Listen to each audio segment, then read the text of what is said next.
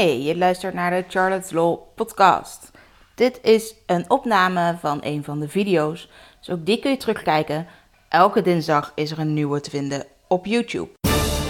Charlotte, de social media jurist van Nederland. Je ziet misschien op Instagram wel eens dat ehm, heel veel mensen hashtags gebruiken, uiteraard. En dat merken of bedrijven op die manier ook wat content proberen te krijgen voor hun eigen kanalen. De vraag is, kan dat eigenlijk wel op die manier? Ja, goed, de vraag stellen is een beantwoorden natuurlijk. Ehm, hashtags kunnen natuurlijk merken bevatten.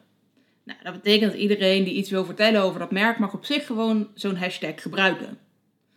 Dat maakt nog niet dat die content met zo'n hashtag opeens ook van dat merk wordt. Je moet gewoon over die content kunnen praten. Over bijvoorbeeld uh, de nieuwe schoenen die je gekocht hebt. En daar moet je gewoon de naam van dat merk bij kunnen gebruiken. Nou, dat betekent dus nog niet dat dat merk dan opeens ook die content mag gebruiken, omdat of hun producten erop te zien zijn, of omdat een hashtag gebruikt wordt. Er zijn er ook een hoop bedrijven die denken slim te zijn en die maken een eigen hashtag. Iets wat echt wel wat origineler en wat meer bijzonder is, om op die manier ervoor te zorgen dat als mensen die hashtag gebruiken, dat daar dan meteen aan vasthangt dat ze inderdaad die content wel mogen gebruiken. Of dat dat betekent dat mensen content hebben ingezonden voor een wedstrijd bijvoorbeeld. Toch werkt dat niet helemaal zo. Hashtags kun je vinden. Het zijn eigenlijk de, de keywords, de zoekwoorden, maar dan binnen social media in plaats van uh, op een website. Nou, die hashtag gebruiken, ja, het kan zijn dat je of zelf dezelfde hashtag hebt bedacht als het merk heeft bedacht. Bijvoorbeeld omdat het gewoon dus het merk zelf is, of een slogan van het bedrijf is, of zoiets dergelijks. Of omdat je op een andere manier toevallig op dezelfde hashtag bent gekomen. Of omdat je hem bijvoorbeeld gevonden hebt binnen populaire hashtags. Zeker als die hashtag gebruikt wordt voor een wedstrijd, ja, dan zal die sneller opduiken. En zul jij denken, oh wacht even, die hashtag wil ik ook gebruiken voor mijn content. Dan heb je dus geen flauw idee waar die hashtag eigenlijk over gaat en dat die bedoeld is voor die wedstrijd of bedoeld is om toestemming te kunnen krijgen om die content te mogen gebruiken. Kortom, het kan gewoon geen vorm zijn van toestemming. Nou, hoe los je het dan wel op? Gebruik vooral nog steeds je hashtags.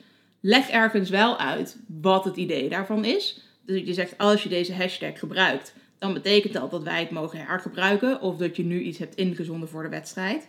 Maar dan ben je er nog niet. Zie je als merk of als bedrijf dat iemand jouw specifieke hashtag gebruikt, neem dan alsnog even contact op. Zeg, ik zie dat jij content hebt gemaakt met die hashtag erbij. Mogen we hem inderdaad gebruiken op ons kanaal? Mogen we het inderdaad zien als een inzending voor onze wedstrijd? En dan plaats je een linkje, maar waar die regels staan of waar die voorwaarden voor dat gebruik staan. En dan kan iemand veel makkelijker akkoord geven. Dus normaal zou je echt om toestemming hebben gevraagd en moet je iemand benaderen en van alles uitleggen. Nou, het voordeel hiervan is dat je waarschijnlijk niet meer zoveel hoeft uit te leggen en dat alles al op een aparte pagina wordt uitgelegd. Zorg alleen wel dat je zeker weet dat je dus die toestemming krijgt en leg die toestemming ook vast. Voor mij wordt gewoon met screenshots van bijvoorbeeld de conversatie die je in een DM hebt gehad.